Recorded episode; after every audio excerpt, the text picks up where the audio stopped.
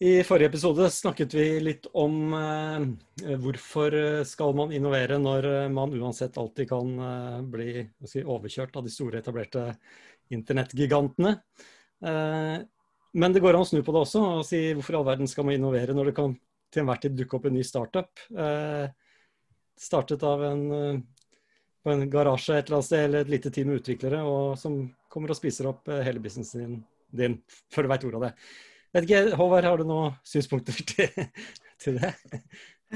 Ja, og det her tenker jeg jo på Altså, tenker den eh, modellen med f.eks. Mcash, som kommer inn og utfordrer i, i, gode gamle dager, nesten. Mm. Kommer og utfordrer det sittende regimet med hvordan betalinger, mikrobetalinger, småbetalinger, men også vennebetalinger, alt sånt foregår det foregår med cash, i den grad det skjer.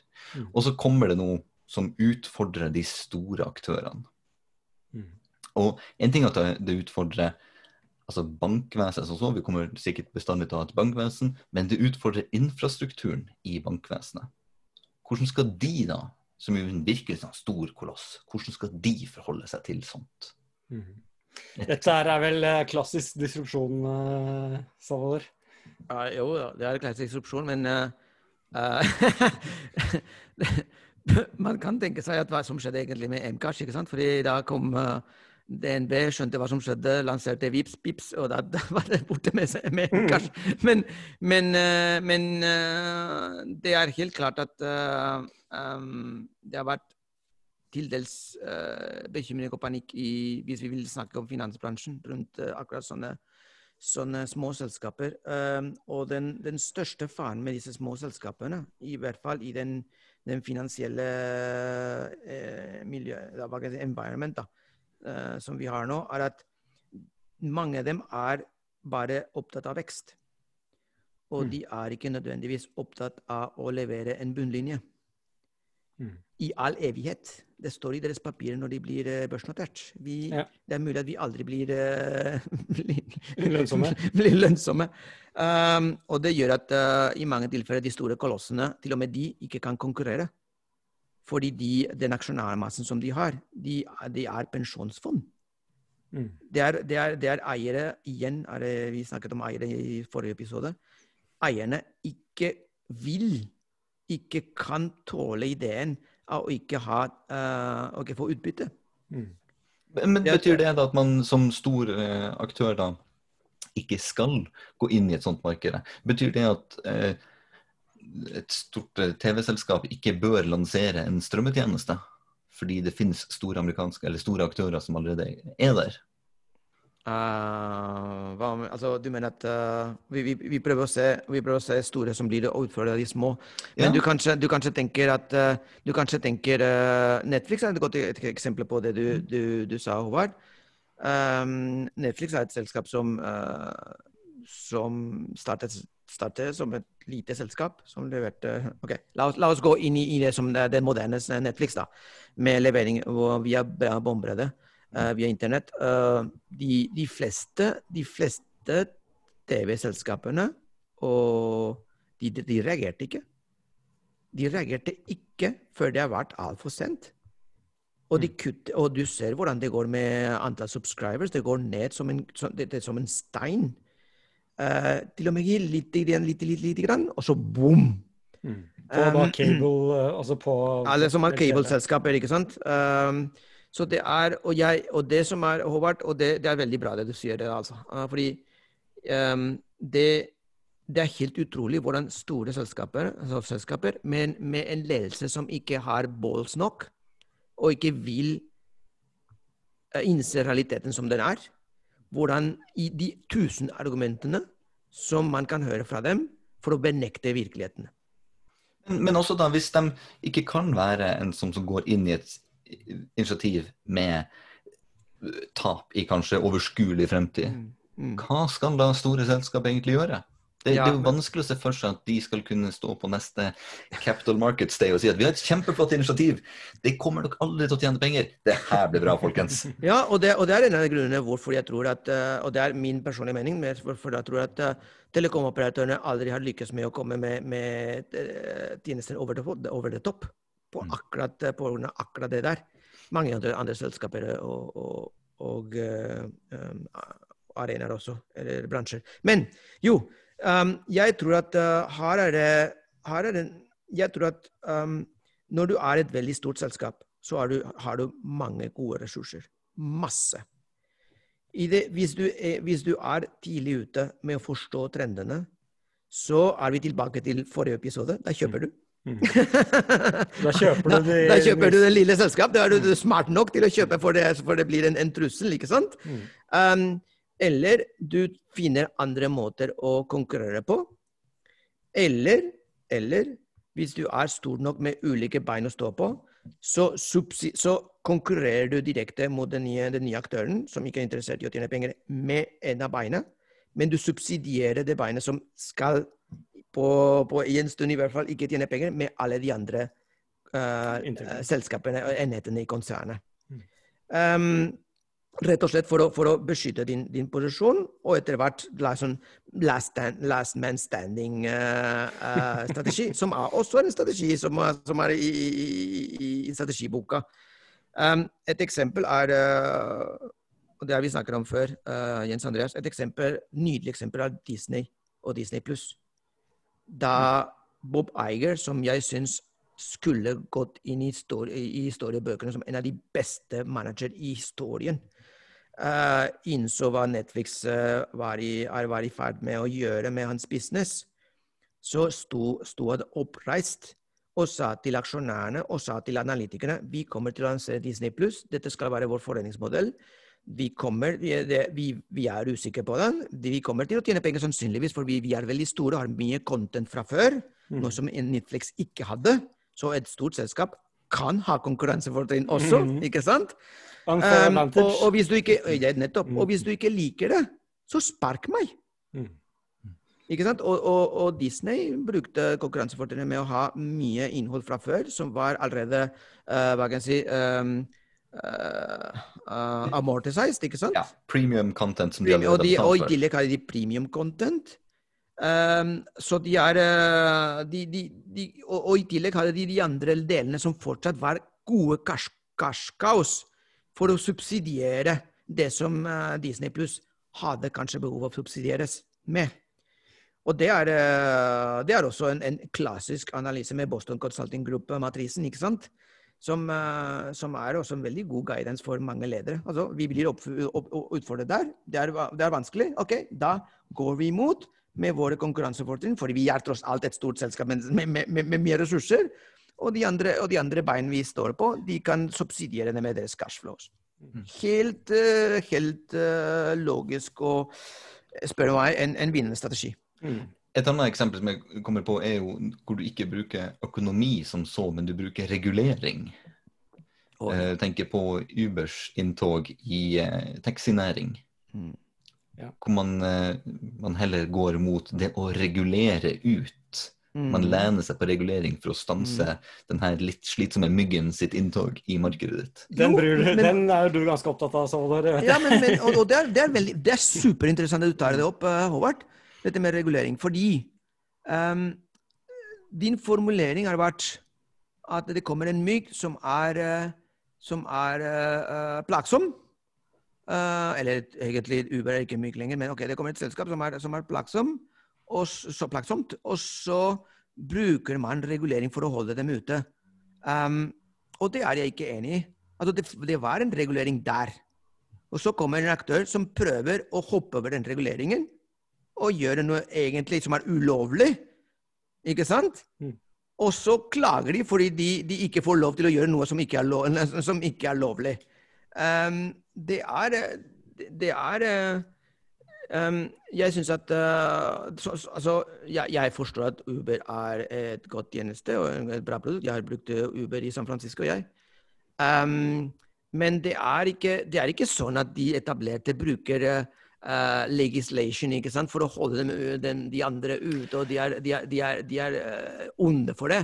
Det er de andre som prøver å komme inn i et marked som er regulert, og prøver å, å, å ikke forholde seg til reglene. Som parlamentet sam, altså i, i, representasjon av samfunnet har vedtatt. Mm. La oss ta et annet eksempel da, med, med eh, dagligvareleveranse på søndager.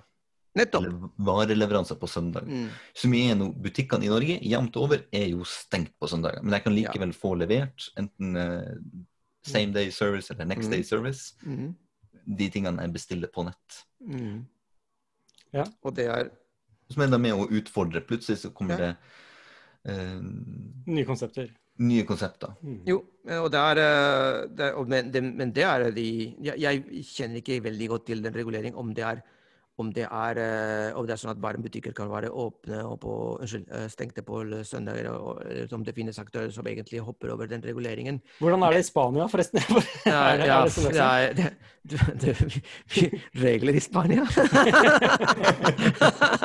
jo da, det er egentlig veldig, veldig, mye, veldig mye regulering der. Men det er, skjedd altså, det er regler, europeiske regler er ganske, er ganske jevne. Er ganske like. ikke sant? Um, men i dette tilfellet, Håvard, synes jeg er, eh, hvis det er på en måte legalt, da, så er det egentlig en, en veldig bra måte å, hoppe, altså, å, å komme seg altså, Ha en beachhead, ikke sant?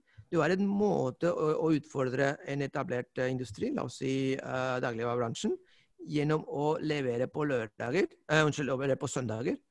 Um, og det, det gjør at du kan, uh, hvis, du er, hvis, hvis businessen er sustainable, så kan du akkumulere en cash som gjør at du little by little til hvert begynner å spise det opp i det som den, de store aktørene har som kjernevirksomhet. Mm.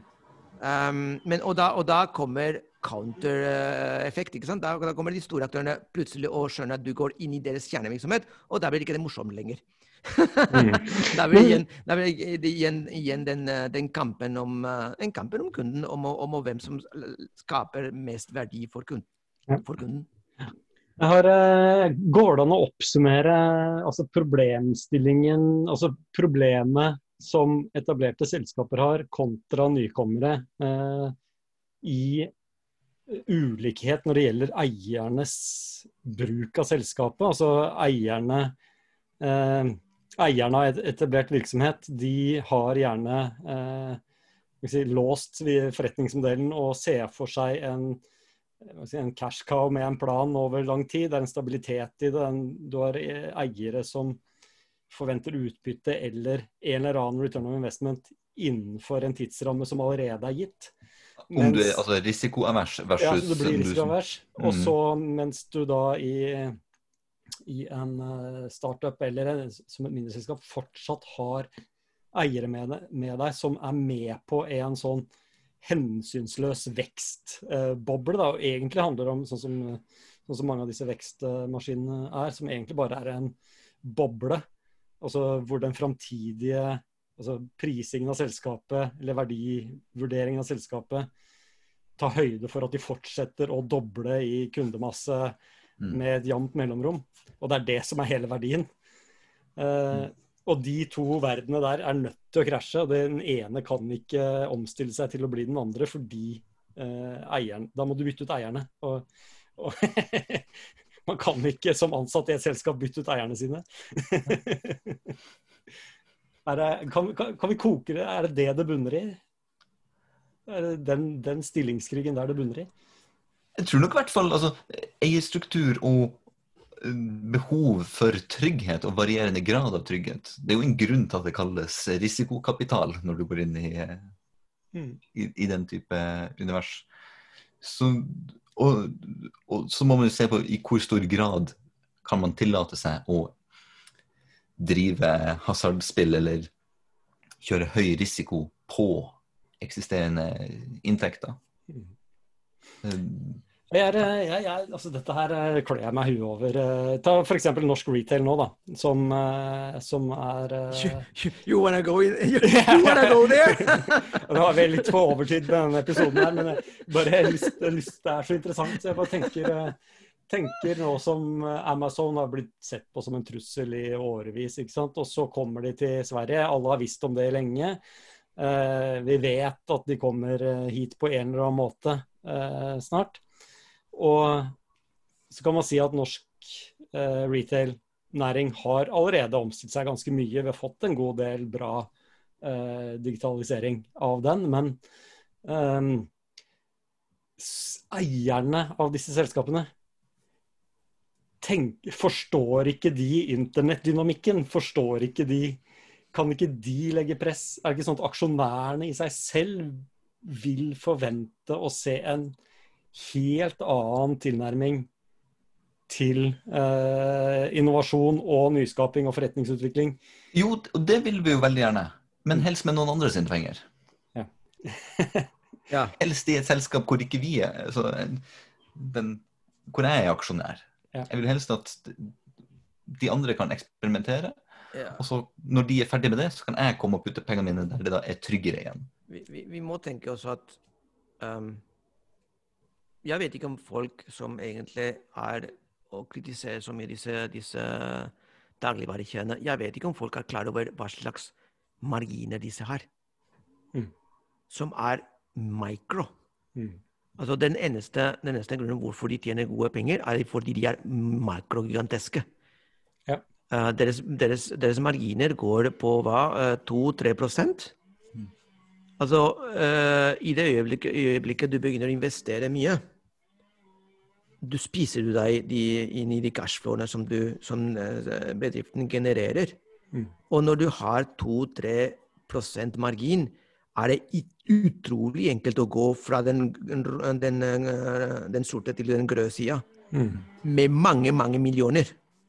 Mm. Så det er, det er en, det er en, det er en, en, en ehm, det, det er en, en, en brems som jeg personlig kan forstå.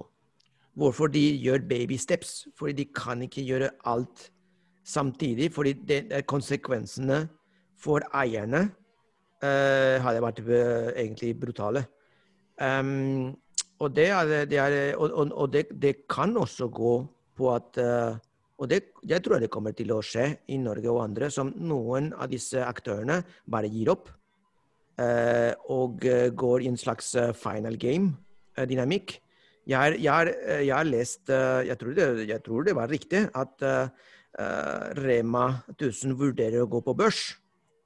Mm. Ja, Hvis det ikke er endgame, så vet jeg ikke hva det er for noe. Mm. Mm. Uh, enten er det endgame, eller de har plutselig fått en utrolig stor trang for å innovere så fort som mulig, og i, i en pace som aldri noen har sett uh, for seg før, og da trenger de masse penger. Det er opp til deg å, å, å, å tro. så det er eh, ja.